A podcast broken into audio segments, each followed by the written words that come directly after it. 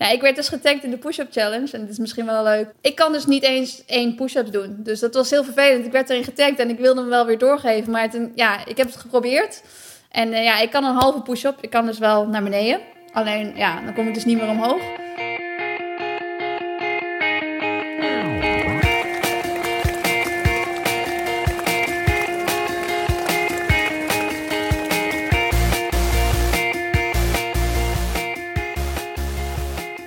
Al 124 kijkers, luisteraars. Ik moet er even En je hebt de mok, dat is mooi. Welkom bij de 33e aflevering van Suzy Q&A, de podcast over hardlopen, training en wedstrijden. Ik ben Oliver Heimel, hoofdredacteur van Runners World. En aan de lijn heb ik Susan Crummins, de nummer 7 van de wereld op de 10.000 meter. Suzanne, onze eerste Suzy Q&A live. Supermooi. Ja, spannend hè?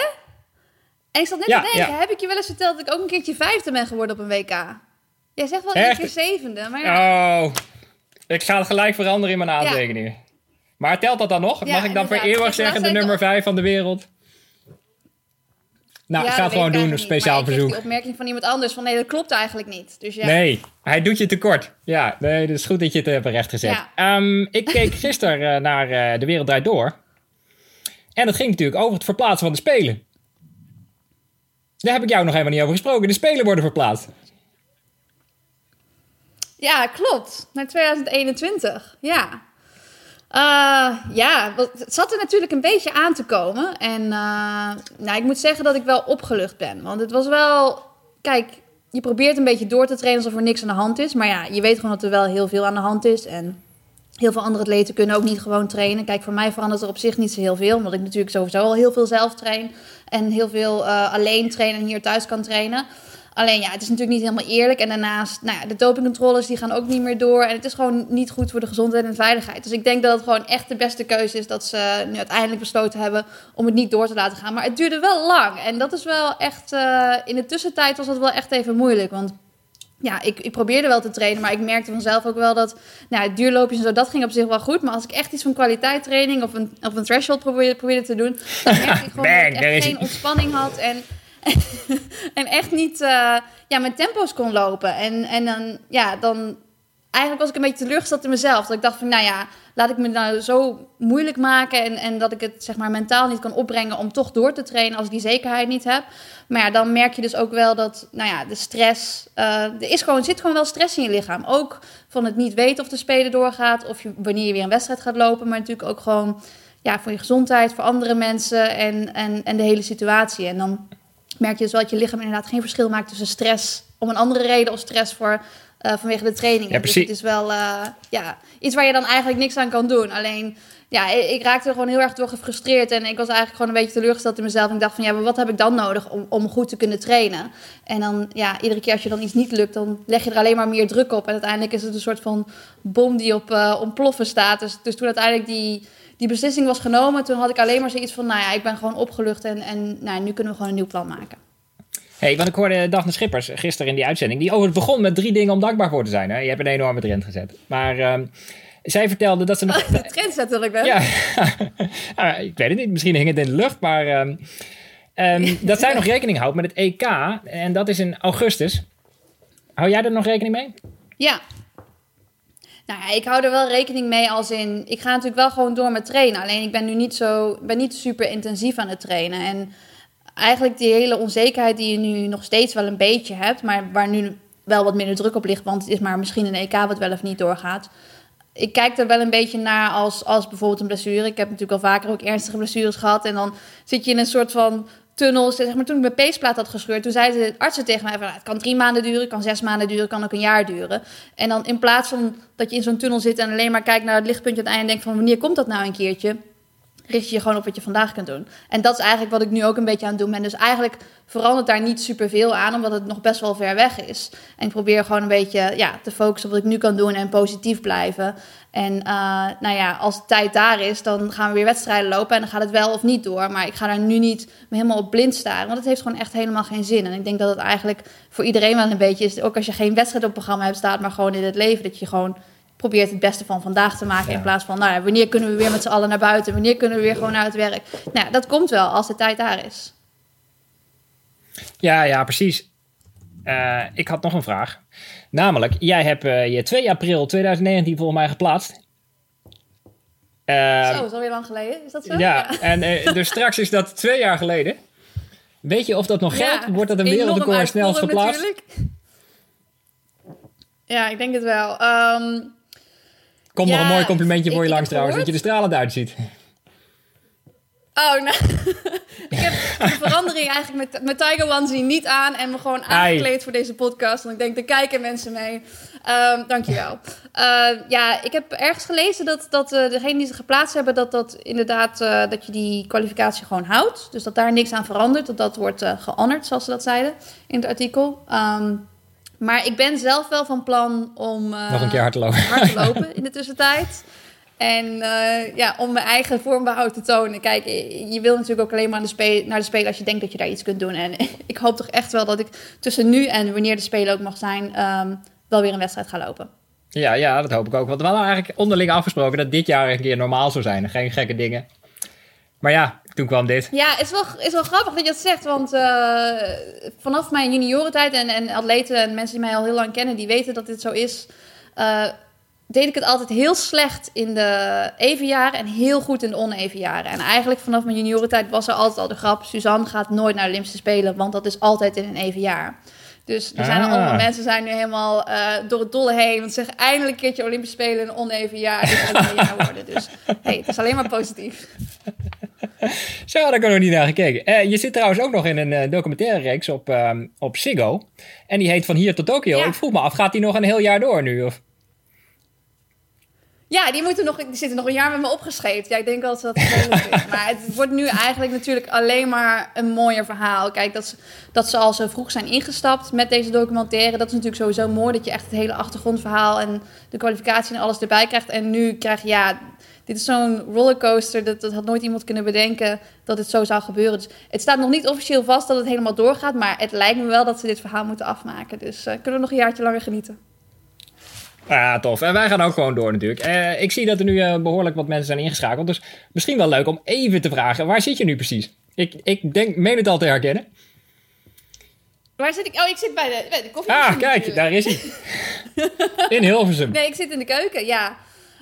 Um, ja, nee, ik, uh, ik zit eigenlijk vlak naast de Woman Cave. De Woman Cave die is daar. En ja, dit is ook een beetje mijn, mijn, mijn, mijn training ground. Want daar is de woman cave en, en daar staat de loopband.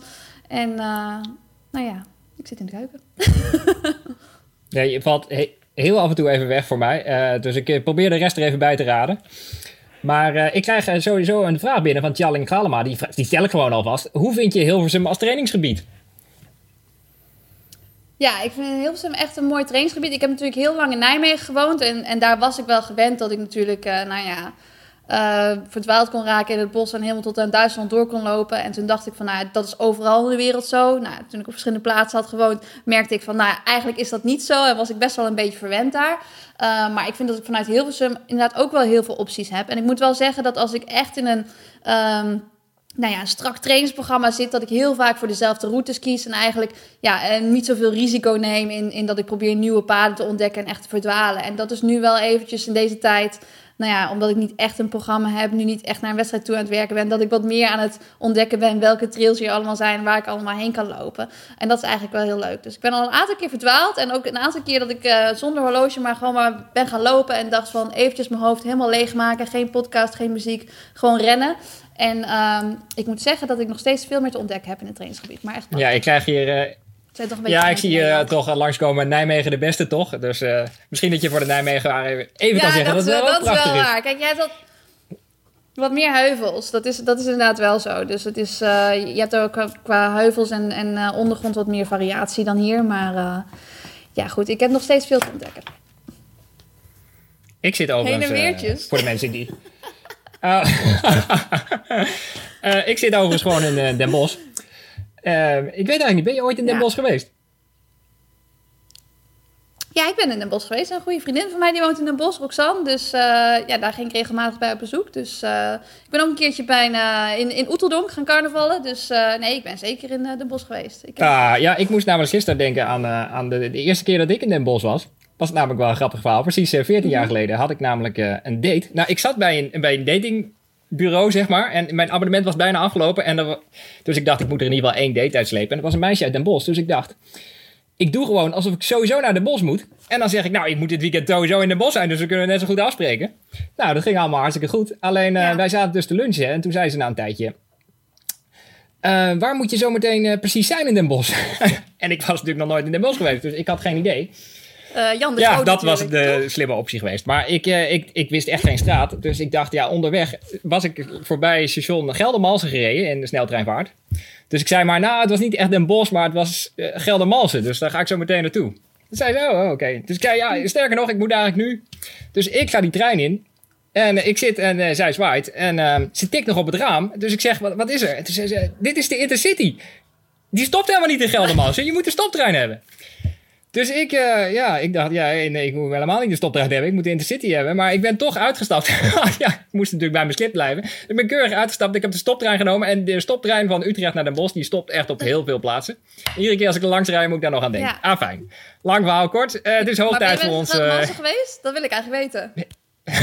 nee. Nee, ik ben nooit in Geldermalsen geweest. het is uh, hoog tijd voor ons. Uh, mensen mee Geldermalsen. Zonder. Ja, ja, ja, ik hoop niet dat een date van destijds meeluistert trouwens, maar uh, meekijkt. Um, hoog tijd voor ons eerste segment. Ask Suzy. Stuur je vraag in of tik hem gewoon in beeld. Ik probeer ze allemaal bij te houden. En hoewel er nu een vraag in het Indiaas langskomt. Ja, en dan probeer ik hem te stellen. Eerst wat vragen die al binnengekomen zijn. de eerste vraag was van Siert net. Ik stel hem omdat het uh, onderwerp de vorige keer niet uh, te sprake was gekomen. Het onderwerp threshold. Gelukkig heb je hem net al genoemd. Ja, en goed de... hè. Kunnen we alvast afstrepen van de... Ja, precies. Het, het, voelde toch een beetje leeg de vorige keer. En uh, de vraag is, ehm, loop je warm en uit na zo'n trashloop? Hoe, hoe is eigenlijk je opbouw naar de 45 minuten toe?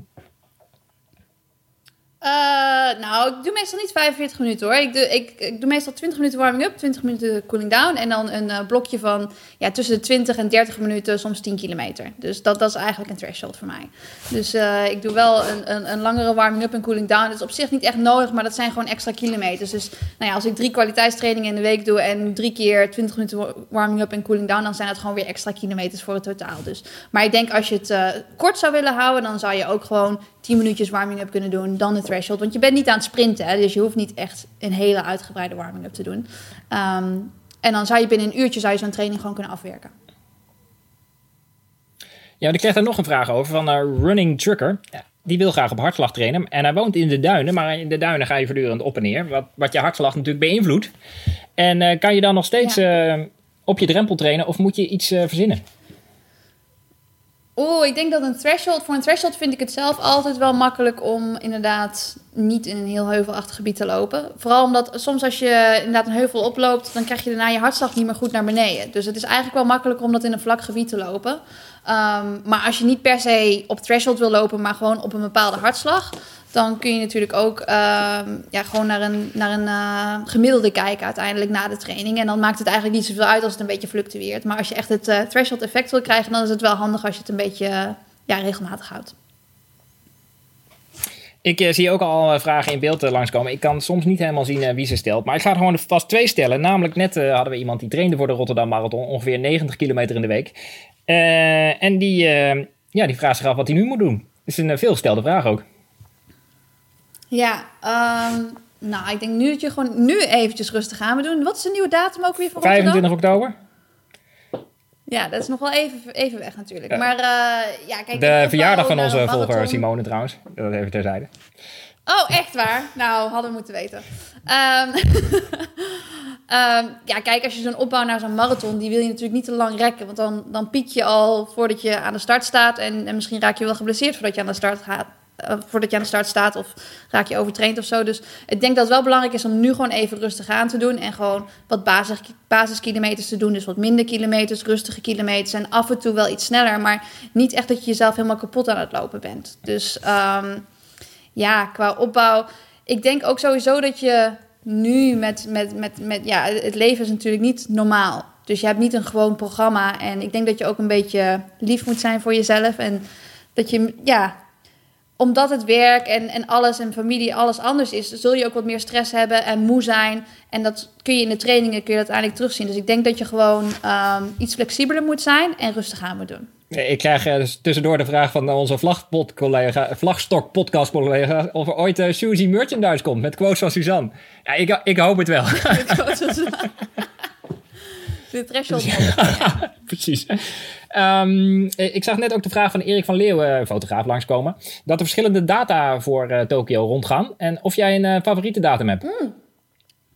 Oh, heeft hij al een datum? Nou, ik ben wel... Nee, nee, er zijn uh, verschillende mensen die denken het wordt augustus of het wordt mei. Of, Die denken het allemaal te weten. Ja, ja dat vind ik wel mooi. Um, heb ik een favoriete datum? Nou ja, daar heb ik eigenlijk niet zo over nagedacht. Ja, weet je wat is? Omdat ik, ik weet dat ik er ook niet echt invloed op heb. Ik denk, denk niet dat ze nu meeluisteren. Dus ik denk niet dat het heel veel uitmaakt wat ik nu zeg. Maar um, ja, ze hebben natuurlijk gezegd... Het klonk een beetje alsof het uiterlijk volgende zomer zou zijn. Maar toen krabbelden ze weer een beetje terug en toen zei ze... nee, het is gewoon in 2021. Dus het zou ook vroeg kunnen zijn en het zou ook later kunnen zijn. Ik denk dat het voor bijvoorbeeld de marathonloopers dat wel fijn is... als het um, niet midden in de zomer is voor mijzelf heb ik zoiets van als het midden in de zomer is, dan we just deal with it. Weet je wel, het is een 10 kilometer, we gaan het wel overleven. Maar um, ja, ik heb eigenlijk niet echt een favoriete datum, moet ik zeggen. Nee, maar het zou wel leuk zijn als alle onderdelen in Tokio kunnen plaatsvinden. Dus ik denk dat ik daarom zou zeggen niet midden in de zomer. Oké. Okay. Ik zie nu een vraag over de souplesse-methode van uh, Klaas Lok. Die ken je vast, wat je ervan vindt. Ken je die? nee, wil jij het even uitleggen? Ja, ja, het is iets wat ik ken als de verhulmethode. En uh, dat is uh, heel veel interval. Het is op de baan en weinig uurlopen, toch? Uh, Sorry? Ja, ik heb even afgeleid. Van ja, ja, Volkert, die, die, ja, die, die, komt er zo tussendoor. Of ik wel let op mijn microfoon, maar ik heb... Oh, ik kan er net niet bij, maar hij staat hier keurig. Hij staat hier. Uh, ja, ik ga het je binnenkort langer uitleggen dan. Um, even een andere vraag. Anouk Duindam, die zegt... welke aanpassingen ga je nu concreet maken in je trainingsschema? Voor de Spelen. Maak je al aanpassingen of doe je gewoon alles door elkaar? Ja, nee, ik moet, ik moet wel echt eerst een, een nieuwe datum hebben natuurlijk. Dus het is... Um, kijk, als je in het voorjaar of in het najaar een uh, Olympische Spelen hebt... Dat, ja, dan de opbouw is natuurlijk natuurlijk anders. Je wil een paar keer op hoogte stage van tevoren. Dus ik heb nu nog eigenlijk een stage gepland deze zomer die ik nog niet gecanceld heb. Um, waarvan ik zoiets heb van, nou, ik laat hem nog even erin staan. Want het kan zomaar zijn dat we uiteindelijk nog wel wat baanwedstrijden gaan lopen. Um, maar niks is nu zeker. Dus ik, nee, zoals ik al zei, ik ben nu gewoon echt nu op, gewoon op vandaag maand richten en, en verder niks aan het plannen. En dat is wel echt, voor mij is dat wel echt, uh, mensen die mij kennen weten dat ik echt heel erg extreem ben in mijn planningen. En dat ik altijd ver vooruit plan. Ik maak altijd zo'n grote planning op een groot stuk papier met, met allerlei kleuren. En daar staat alles eigenlijk in. En ieder jaar weet ik wel dat er dingen aangepast moeten worden. Maar dit jaar begon ik echt gewoon met dingen door te strepen. En op een gegeven moment dacht ik van ja, ik leg hem gewoon weg. Het, gaat gewoon niks meer worden met die planning. En dat is echt de eerste keer dat ik dat heb meegemaakt. Dus we gaan voorlopig nog even geen nieuwe planning maken. Ik denk stiekem dat het heel goed voor je is eigenlijk. Deze hele periode. Uh, ja, ja, je, je leert er ook weer heel veel van. Dus het is, uh, ik, het is sowieso niet. Ik zeg altijd al van ik, ik heb altijd wel een plan B en je moet je niet zo krampachtig vasthouden. Maar um, om een keertje zonder plan door het leven te gaan is eigenlijk ook wel lekker. En ik denk ook, ja, nu kunnen we geen wedstrijd lopen. Heel veel dingen kunnen we niet doen. Maar ik denk dat we ook een beetje misschien de rust moeten waarderen en een beetje richten op andere dingen. Want straks in het najaar wordt het gewoon hartstikke druk, want alles wordt natuurlijk gewoon verschoven. Dus dat is. Uh, nou ja, we kunnen ons nu vast opladen voor wat er in het najaar gaat komen. Ja, dan gaan we het hele social distancing weer helemaal laten vallen trouwens. Want de wedstrijden lijken nu opeens het omgekeerde daarvan. Ja. Er komt, uh, er komt een vraag binnen trouwens over de drie dingen waar je vandaag dankbaar voor bent. Oh. Heb je die al opgeschreven of niet? Ik, nee, ik heb ze nog niet opgeschreven. Meestal doe ik dat smiddags. Uh, na mijn dutje, maar ik heb natuurlijk al een dutje gedaan. Dus uh, ik zou dat nu kunnen doen, maar we zijn nu aan het bellen. Uh, ik ben ontzettend uh, dankbaar voor Instagram Live. Want dat is echt super leuk, moeten we vaker doen. Um, en de andere twee, dat weet ik eigenlijk nog niet. Um, ik moet zeggen dat ik, ik vanochtend stond er dus een threshold mm -hmm. op het mhm. Dus jij schreef al gelijk mentaal threshold? Of stond hij er al bij? Nou ja, ik dacht van, ik, ik, we hebben die onzekerheid, we willen spelen, dat is nu weg. Ik kan nu trainen, ik ben nu vrij, geen druk, ik kan gewoon doen wat ik wil. Ik ga die threshold gewoon doen. En het lukte me nog steeds niet. En ik raakte weer heel erg gefrustreerd. En toen uh, kreeg ik een berichtje van mijn coach en die zei van, dat ik niet de enige was. En dat eigenlijk in de hele groep, iedereen traint eigenlijk apart van elkaar op verschillende werelddelen. Iedereen voelt zich hetzelfde. Super zware benen, kan niet lopen. Hoe kan dit nou? Zit het in mijn hoofd? En ik was eigenlijk wel dankbaar voor dat berichtje, want ik had zoiets van: oké, dus ik, ik, ik ben niet zwak hier. Dit, dit, is, dit is blijkbaar normaal. En dit hebben we allemaal nog nooit meegemaakt. Dus ik uh, vond het wel een fijn berichtje om dat te lezen. Dus die moet er ook zeker op. Maar ik weet nog niet hoe ik het ga verwoorden. Want ik heb natuurlijk ook niet zoveel ruimte. Ik ben denk ik iets te ruim begonnen met mijn eerste zeven Ja, dagen. ja, ja, zeker. Want ik zag dingen staan beetje, als, je- eh, als je. Hedgehog Instagram account. Dat, dat zijn egels dan? Of- Oh. zijn egels, ja, heel belangrijk. Ja, het, eh, ja, die maken wij zeker heel gelukkig. En ik, ik schrijf ook iedere dag gewoon op wat ik op dat moment voel en denk. En van denk van oké, dat heb ik vandaag gewaardeerd. Het is niet een bepaalde volgorde van hoe belangrijk iets is. Ehm, maar die dag zat ik wat te kijken naar van die hedgehog accounts. Ja, ik volg er een aantal van die egels. En uh, er is er toevallig eentje uit Japan die ik eerst ben gaan volgen. Um, en ja, daar heeft iemand gewoon zo'n hedgehog en die, en die masseert die af en toe. En het is gewoon super ontspannen om naar te kijken. En dan als ik dat kijk, dat is een soort van... Kijk, sommige mensen mediteren, andere mensen kijken naar hedgehog accounts. Um, wat het ook is. Um, maar ik probeer een beetje... Zeg maar, je kunt de hele dag proberen al het nieuws en alles proberen bij te houden. En ik probeer dat wel een beetje allemaal te scheiden. In, in, ochtends kijk ik een uurtje naar het nieuws. En dat vind ik belangrijk, dat ik weer op de hoogte ben. En daarna zorg ik ervoor dat ik wel... Ik kijk wel wat op social media, maar ik probeer niet helemaal me gek te lezen. Allerlei artikelen. En dan zo'n Hedgehog-account kan heel goed helpen met gewoon eventjes alles uitschakelen. Ja, hoe vind je ze? Je zoekt gewoon op Hedgehog? Erbij. wat zei je? je? Je zoekt gewoon op Hedgehog en dan je vind je de account? Ja, Hedgehog, de Hedgehog uh, Azuki of uh, Darcy, de Flying Hedgehog. Er zijn een aantal hele goede. Dus het is uh, zeker de moeite waard om dat te volgen. Maar goed, kijk zelf maar. hey, en nog een andere vraag kwam langs. Heb je al op de AlphaFly getest? Nee, nee. De AlphaFly die kwam natuurlijk... Een aantal van mijn trainingsmaatjes die hadden de AlphaFlies al voor de New York Haag. Jij?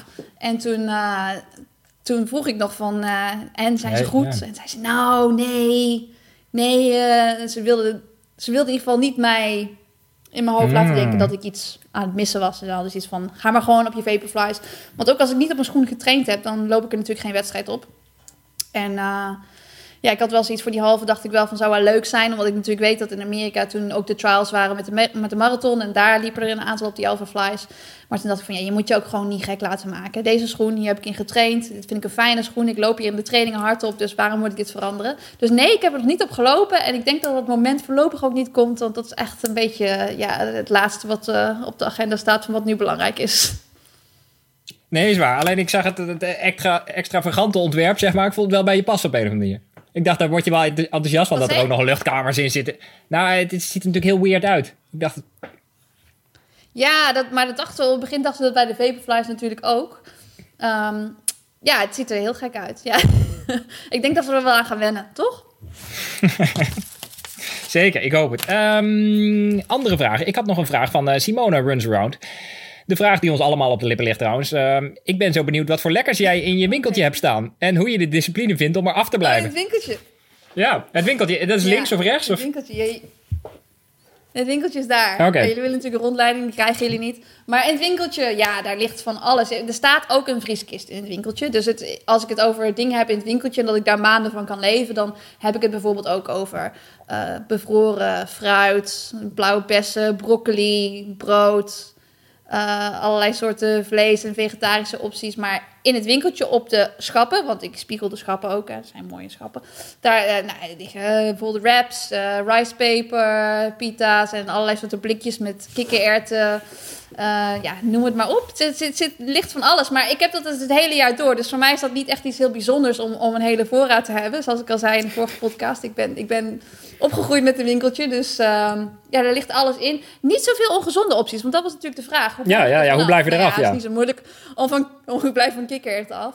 Ja, um, ik, ja, ik heb meestal heb ik wel... Uh, ja, die oranje Tony, die heb ik dus meestal wel in huis. Maar dat, dat is meestal niet een hele grote aantal. En die is nu ook op. Dat is wel eigenlijk een beetje drama. Maar hoe blijf ik er af? Ja, door ook andere opties te hebben. Dus zeg maar, ik heb altijd wel gewoon een, een, een volle fruitschaal met appels en peren en zo gewoon op het aanrecht staan. Dus als ik dan op een gegeven moment denk van, oh, ik moet nu suiker hebben, dan zie ik dat in ieder geval eerst. En nou ja, als dat dan niet goed genoeg is, dan ga ik misschien de chocola zoeken, maar dan moet ik wel wat verder voor zoeken. Dus uh, ik denk op die manier dat je, ja, als je andere opties hebt, dat je niet meteen voor het allerslechtste hoeft te kiezen. Maar het is wel fijn als het er is, als backup toch? Ja, maar er komt een goede vervolgvraag op binnen. Namelijk, uh, pas je in deze periode hetzelfde voedingspatroon toe? Of ben je dat nu aan het aanpassen?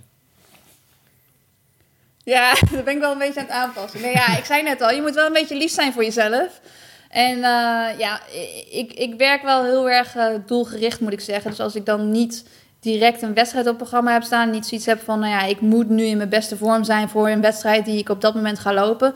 Dan ben ik ook wel iets relaxter in mijn eetpatroon. Dus dat is, en ik train natuurlijk sowieso minder. Dus dan kom je er een beetje makkelijker mee weg als je niet altijd de beste optie kiest. Dus uh, pas ik het aan, zeker. Ik ben, ik ben heel lief voor mezelf. En er komt nog een tip langs dat uh, geroosterde kikkererwten net als uh, bolnootjes zijn overigens. Dat geef ik je gewoon even mee. Um, ik heb... Nou, dat ga ik proberen. Lekker. ik heb nog een, uh, een vraag die binnenkwam via de mail. Een vraag van Jelle Lane, die iets te enthousiast heeft doorgetraind. En nu heeft hij een beginnende stressfactuur in zijn kuit opgelopen. En mag hij die zone ook foamrollen? Ik heb geen idee, maar jij misschien wel.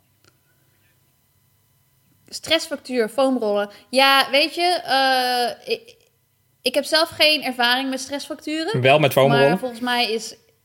Wel met foamrollen. Uh, volgens mij, een stressfactuur is natuurlijk niet iets wat je er even uit foamrolt. Maar ik weet wel dat je bijvoorbeeld ook stressfacturen kunt krijgen... doordat er bepaalde spieren, pezen ontzettend stijf zijn... en ergens aan lopen te trekken. Dus ik denk dat je daar wel mee had kunnen voorkomen.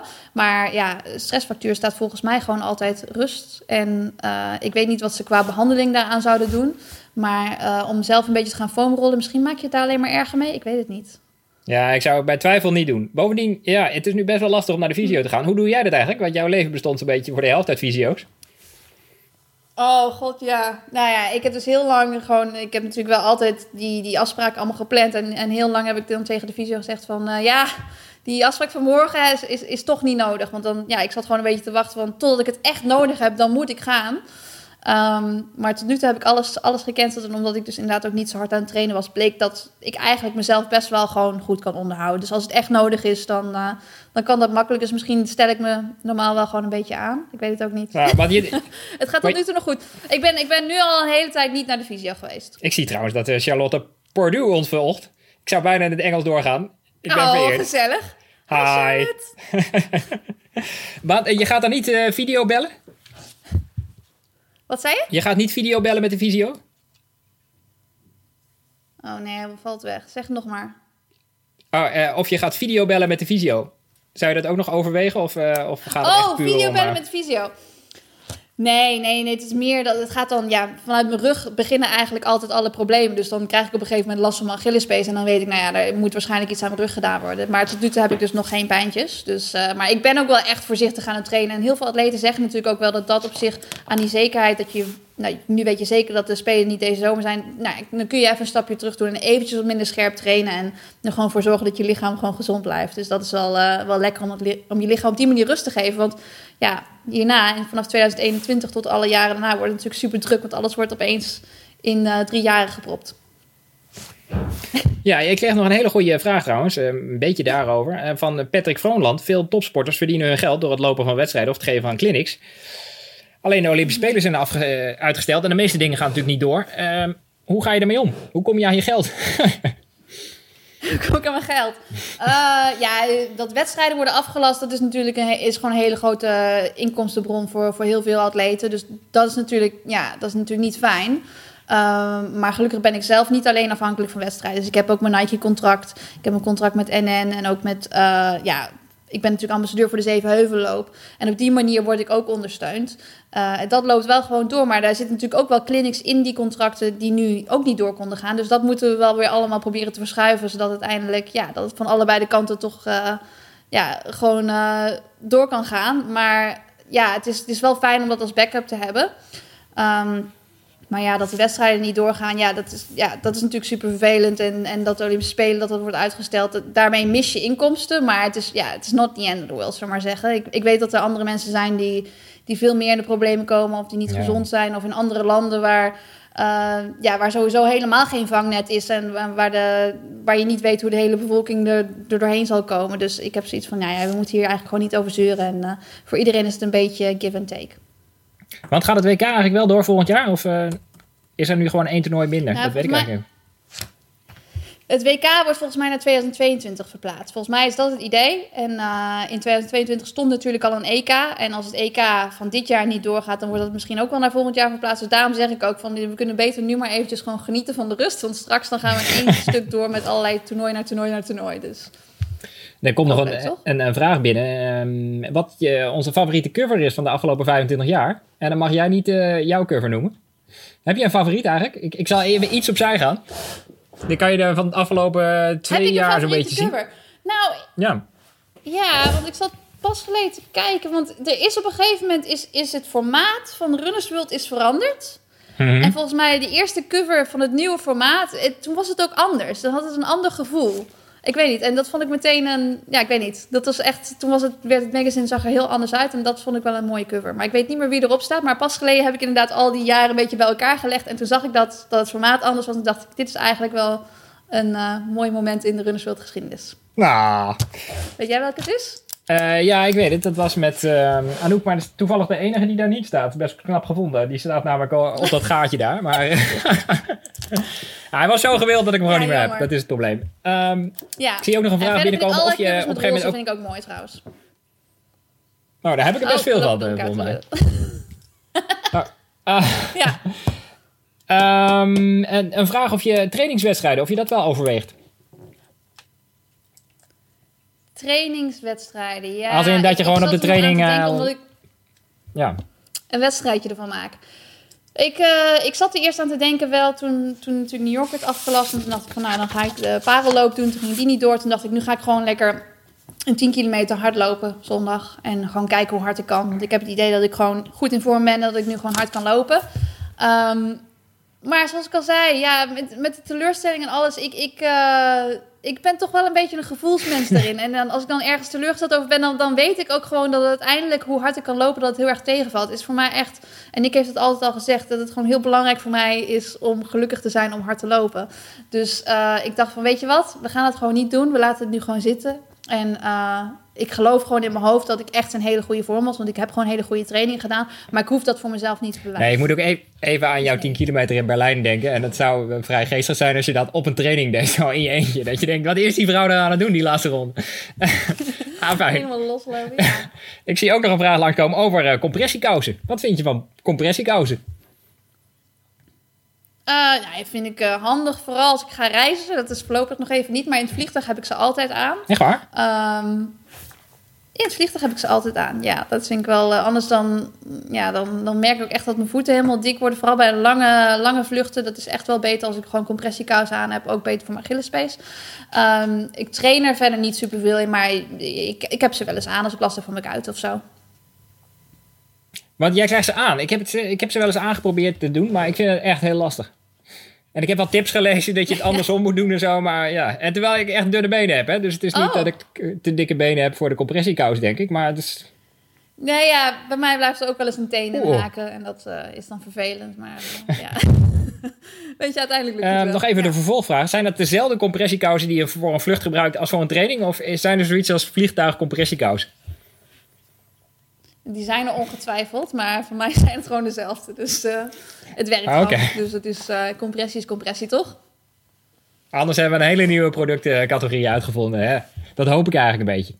Ja. Eh, nou, dan ga ik nog even kijken of er vragen binnenkomen. Ik heb er vast een paar gemist. Dat is best wel lastig op twee schermen. Er wordt veel naar ons gezwaaid ook. Ik kan niet steeds terugzwaaien, maar ik zie het allemaal wel langskomen. Ehm, en dan ga ik nu in ieder geval als het vast zeggen... heb je ook een vraag voor Suzanne of voor mij natuurlijk? Mail hem dan naar mijn adres olivier.heimel.hurst.nl En wie weet komt jouw vraag dan in onze volgende podcast. Je denkt dat ze gaan mailen. Ja, heel soms eh, doen mensen dat, ja. Maar ik had er laatst één voor... nou ja, het kan, hè? Leuk. Ja, nee, leuk. Mijn mailbox staat altijd open. Hoe eh, bevalt het je eigenlijk, de Instagram live, eh, live tot nu toe? Wat zei je? Hoe bevalt het, de, deze sessie, deze live sessie? Ja, ik vind het heel gezellig, maar ik, zoals ik zeg, ik ben echt super slecht in multitasken. Dus ik ben helemaal niet aan het lezen wat eronder gebeurt. Maar dat hou jij allemaal mooi bij, toch? Dit is wel het meest Ja, ik sociale zie wat ook ik nog nu een in de afgelopen twee weken heb gedaan. En dan denk je heel veel sociale contacten ook. Ja. Het is tamelijk Ja, overweldigend. ik heb de afgelopen Ik zie ook een vraag langskomen, wel, eh, heel sociaal... Oh, Ja, ja. ga door. Reissokken bestaan al, zie ik nu trouwens. Maar jij was aan het vertellen wat je afgelopen zondag voor sociaals hebt gedaan. Ik hoop wel iets, Ook heel iets sociaal. online. Ja, heel sociaal. Nou, eh, nee, een lange duurloop gedaan. En toen bleek ik ook dat ik niet de enige in het bos was. Dus dat was ook heel sociaal. Oei, oei. Ehm, Ja. ja. nou, ik, eh, ja, ik zit hier op zolder, dus ik kan het ook niet al te lang eh, zo het luik dicht hebben. Je hoort hier trouwens echt fantastische gesprekken. Ik hoorde net gesprekken tussen mijn kinderen en mijn, mijn zoontje zei dat hij een shirt had alleen voor vissa's. En toen zei mijn dochtertje, oh ja. En toen zei hij, weet je wel wat vissa's zijn? Toen zei ze, ja, dat is wat je op je hengel doet. hij bedoelde vissa's als in feestjes. Um, ah, fijn. Ik zie nog een vraag. Ah, wat vinden jullie van virtuele races waarbij iedereen kan meedoen? Op zijn eigen plaats, bijvoorbeeld via Strava. Ja, leuk, toch? Dit is, dit is wel echt de uitkomst nu. Dat is denk ik de enige manier om nu een, een, een wedstrijd te houden. Dus Maar je kan het ook heel virtueel doen, dat je op een loopband gaat staan en dan zie je zeg maar de New York Marathon om je heen gebeuren. Zou dat, zou dat iets in jou losmaken? Of? Nee, dat zou niks maken. Maar het idee dat... dat zou helemaal, nee, dat zou helemaal niks doen. Maar het idee dat als ik hier op het fietspad eh, een vijf kilometer ga lopen... en dat andere mensen dan tegelijkertijd op andere plekken in Nederland ook een vijf kilometer lopen... en dat we dan tegelijkertijd finishen, dat vind ik wel mooi. Ja, vind ik ook een mooie gedachte. I- iets weerhoudt me toch, maar eh, ja, je moet er ook niet al te diep gaan momenteel. Hè? Ik bedoel, wij raden iedereen af om eh, Oh ja. helemaal tot het gaatje te gaan natuurlijk. Oh ja, en Dit is wel leuk. Ondertussen ik krijg de ik vraag hier of een je tegen- binnen van... hey, wacht even, deze moet. ja, krijg hier een berichtje binnen van eh Steeplesquicks, die kennen we. Ehm, dat is uh, Ja. Quickly, de steeplechaser. En die, Ja, ja. Want er zijn natuurlijk nu heel veel van die dingen waarin mensen elkaar aan het taggen zijn in, in challenge. Van de finish photo challenge en de push-up challenge en weet ik wat allemaal. Ja, ik werd dus getagd in de push-up challenge en dit is misschien wel leuk. Ehm, ik kan dus niet eens één push-up doen. Dus dat was heel vervelend. Ik werd erin getagd en ik wilde hem wel weer doorgeven. Maar ja, ik heb het geprobeerd. En eh, ja, ik kan een halve push-up. Ik kan dus wel naar beneden. Alleen, ja, dan kom ik dus niet meer omhoog. Maar goed, ik heb dus eh, verteld aan Colleen dat ik helaas eh, de, de, de kettingbrief moest doorbreken. En ze gaf me net, stuurde net een berichtje en ze zei... Wow, can you not even do a single push-up? Maar ik zei van ja... maar, maar kan je niet sorry, met je knieën dan nog op de dus grond? Zeg maar, de meisjes... Ja, dan kan het Nee, wel. nee, ik- ik neem je dat verder niks kwalijk. Sorry. Nee, dat, Nee, je wil echt helemaal, Die, die kan ik natuurlijk wel. Poeh, ik ben blij dat ik, deze kettingbrief niet één keer in doorgekregen mijn heb. leven heb ik wel push-ups kunnen doen, maar eh, toen was ik ook geblesseerd. Dus nou ja, als je geblesseerd bent, dan ga je natuurlijk op dingen richten die je wel kunt doen. En toen kon ik wel push-ups. Dus ik weet dat het ergens was. Je hebt het verleerd zelfs. even niet. Ja. Ehm, ik krijg trouwens een vraag over jouw omslagpunt. Weet je je omslagpunt uit je hoofd? Of is dat een hele persoonlijke vraag? Ja, heel even sorry. Ja, dat zijn van die dingen die deel je niet. Nou, Nee. eh, nee, Leeftijd ik, eh, en omslagpunt. Ja. De leeftijd, met de leeftijd kun je het wel eens een beetje uitrekenen natuurlijk. Maar ehm, ik hou meestal 173 aan. Maar het is een tijdje geleden getest. En eh, of het helemaal up-to-date is, weet ik ook niet meer precies. Maar kijk, het, om en nabij. Dat is het een beetje.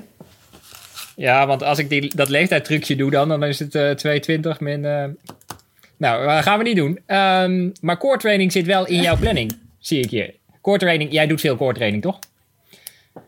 Als ik aan jou denk, dan Nou, denk ik aan al dat nou, ja, rollen en veel. al dat... eh, Ja, maar dat is geen core training. Core training is meer van eh, ja, buikspieren, rugspieren, dat soort dingen allemaal. Ehm, dat doe ik wel. Dat zit wel in mijn krachttraining. Of ik het veel doe? Nou, eigenlijk niet. Want ik, ik doe krachttraining eigenlijk twee keer per week. En meestal twee keer per week ook iets van een prehab training. En daarin doe ik natuurlijk ook dat soort oefeningen. Dus is dat heel veel? Ik, ik denk dat het gewoon normaal is, ja. Eh, in jouw bubbel in ieder geval. Ehm, ik krijg ook nog een vraag net. Of jij eh, naar mensen anderhalve meter roept. Zo, maar hou anderhalve meter. Doe je dat? Eh, nou, nee. Ik, ehm, ik moet zeggen je denkt dat ik het wel. van- het was misschien... Nou, het was twee weken geleden dat er mensen bijvoorbeeld aan het wandelen waren op het pad. En dat was een smal Mhm. pad. En dat ze gewoon naast elkaar bleven wandelen. En dat ik iets riep. En dat was echt voordat iedereen het over anderhalve meter had. En dat die mensen mij echt zo aankeken van... Ze waren zo verbaasd dat ik iets... Ik zei gewoon iets van pardon, weet ik veel. Dat ik er langs wilde. En zij dachten, er is toch ruimte? Maar ik dacht, ja, ik ga niet in jouw aura lopen. Dus ik denk, eh, ik, ik heb wat meer ruimte nodig. En toen keken ze zo raar aan dat ze uiteindelijk wel genoeg ruimte gaven. Dus dat, dat werkte toen wel. Ehm, ja, nu afgelopen zondag, ik schrok ervan hoe druk het in het bos was. En eh, ik dacht alleen maar van, weet je wat ik gewoon moet doen? Ik moet gewoon naar de paden waarvan ik weet dat er niemand loopt. Uiteindelijk heb ik die ook gevonden. Maar eh, ja, ik had eerst wel een, een soort van, eh, een beetje slecht ingeschat welke paden druk zouden zijn. En dat was echt een wandelgebied waar ik beter niet had kunnen lopen. Dus ehm, ja, ik vond dat wel een beetje moeilijk. Maar ik denk als je, als je gewoon op brede paden loopt, dat je altijd zelf wel om iemand heen kunt lopen. Ook al gaan ze niet aan de kant. Als je maar niet op een smal pad loopt. Ik, ja, ik, ik noteer het allemaal. Ik eh, zie ook nog de vraag binnenkomen of je naast de Pegasus, eh dat is een kleine gesponsorde post dit, ook op andere schoenen loopt. Oh, naast de Pegasus, ja, alleen op de Vaporfly eigenlijk. Maar ik doe de meeste training inderdaad op de Pegasus. En dan als ik iets van kwaliteit doe, dan doe ik het op de Vaporfly. Dat is en dan nog eentje. Hoe denk je over lange duurlopen in marathontraining zonder extra voeding? Zonder extra voeding? Als in dus zonder ik bedoel, eh, train jij nuchter, denk ik? Ja. Een lange duurloop nuchter? Nee, nee. nee, ik, uh, ik, zou, ik eh, loop zelf alleen maar nuchter tot een uur. En als ik uh, meer dan een uur of als ik harder loop, dus in sneller tempo dan rustig duurlooptempo, dan eet ik altijd ontbijt. Dus nee, ja, een lange duurloop, dan, dan, zou ik er altijd voor zorgen om wel gewoon nou, goed te eten van tevoren. En als je iets moet meenemen voor onderweg. Kijk, mijn duurlopen zijn niet zo lang. Maar de vraag was zonder geld, sorry. Eten, zonder geld. Lange duurlopen zonder geld. Toch? Gels, gels, sorry. ik denk, loop jij lange duurlopen zonder geld? ik wel, maar... Ik denk, oh, ja, ik zat, er, ik zat helemaal te denken dat, dat je geld meeneemt... en dat als je nog honger krijgt, dan ga je naar de winkel en dan ga je iets halen. Maar ik snap het, zonder gels. Ja, nee, ja, weet je, ik, ik loop maar tot uh, anderhalf uur... en uh, in deze opbouw naar deze halve marathon heb ik een aantal keertje wel 100 minuten gelopen. Nou, zo lang is dat niet, dus dan hoef je niet per se een gel te nemen. Maar voor... loopt zou ik zeker wel een gel nemen. Voor iedereen die jij, jij, jou of mij wil beroven, wij lopen ook altijd zonder geld. Dus uh, het heeft geen enkele zin. altijd zonder geld. Nee, ik zag ook nog een vraag langskomen of wij nog in de supermarkt komen. Uh, nou woon ik, ik kan net niet laten zien, maar als ik deze camera zou omdraaien, dan zie je de supermarkt. Ik woon letterlijk tegenover de supermarkt hier in Den Bosch. Dus ik, ik zou eventueel zelfs met een oh, luchtbrug er nog naartoe kunnen. Nee, precies. Ik heb eigenlijk een enorm winkeltje. Daar ik wijs er nu naar, dat heeft geen enkele zin natuurlijk. Maar uh, jij komt ook nog gewoon in de supermarkt? Of is je winkeltje inmiddels zo uh, compleet dat het de komende half jaar er niet in zit? Nee, ja, ik, ik ben al een tijdje niet in de supermarkt geweest. Ja, weet je, ik vind de supermarkt altijd al...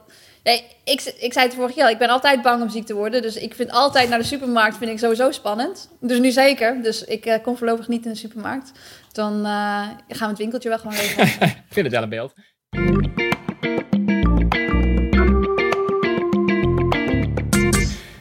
Nou, ik, kijk nog heel even of er nog één vraag voorbij kwam. Dat was net uh, wat je dacht toen de speler niet doorging. Die, hebben we natuurlijk aan het begin behandeld. Er is niet een of andere originele vloek die er nog uitkwam die je net niet hebt gedeeld? Of, uh...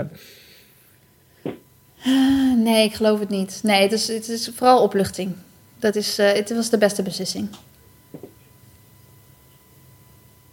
Uh, ik zie ook nog de vraag, ja sorry, jullie zien me het ook allemaal. En ik ben blij dat ik net gelezen ben trouwens, dan kan ik het ook allemaal nog lezen. Ik had je graag aangemoedigd hier in New York, maar um, hopelijk na de zomer een herkansing. Wordt die eigenlijk verzet, de, de New York Half of niet?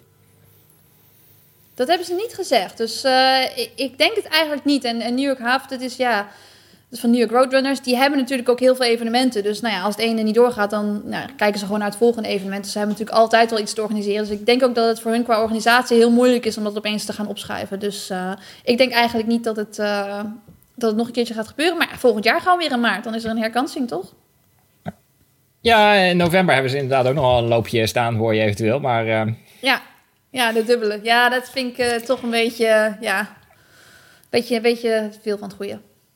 Oké, uh, ja, ik vind het trouwens wel leuk dat je hem de dubbele noemt. Dat gaan we erin houden. En uh, zo uh, zijn we.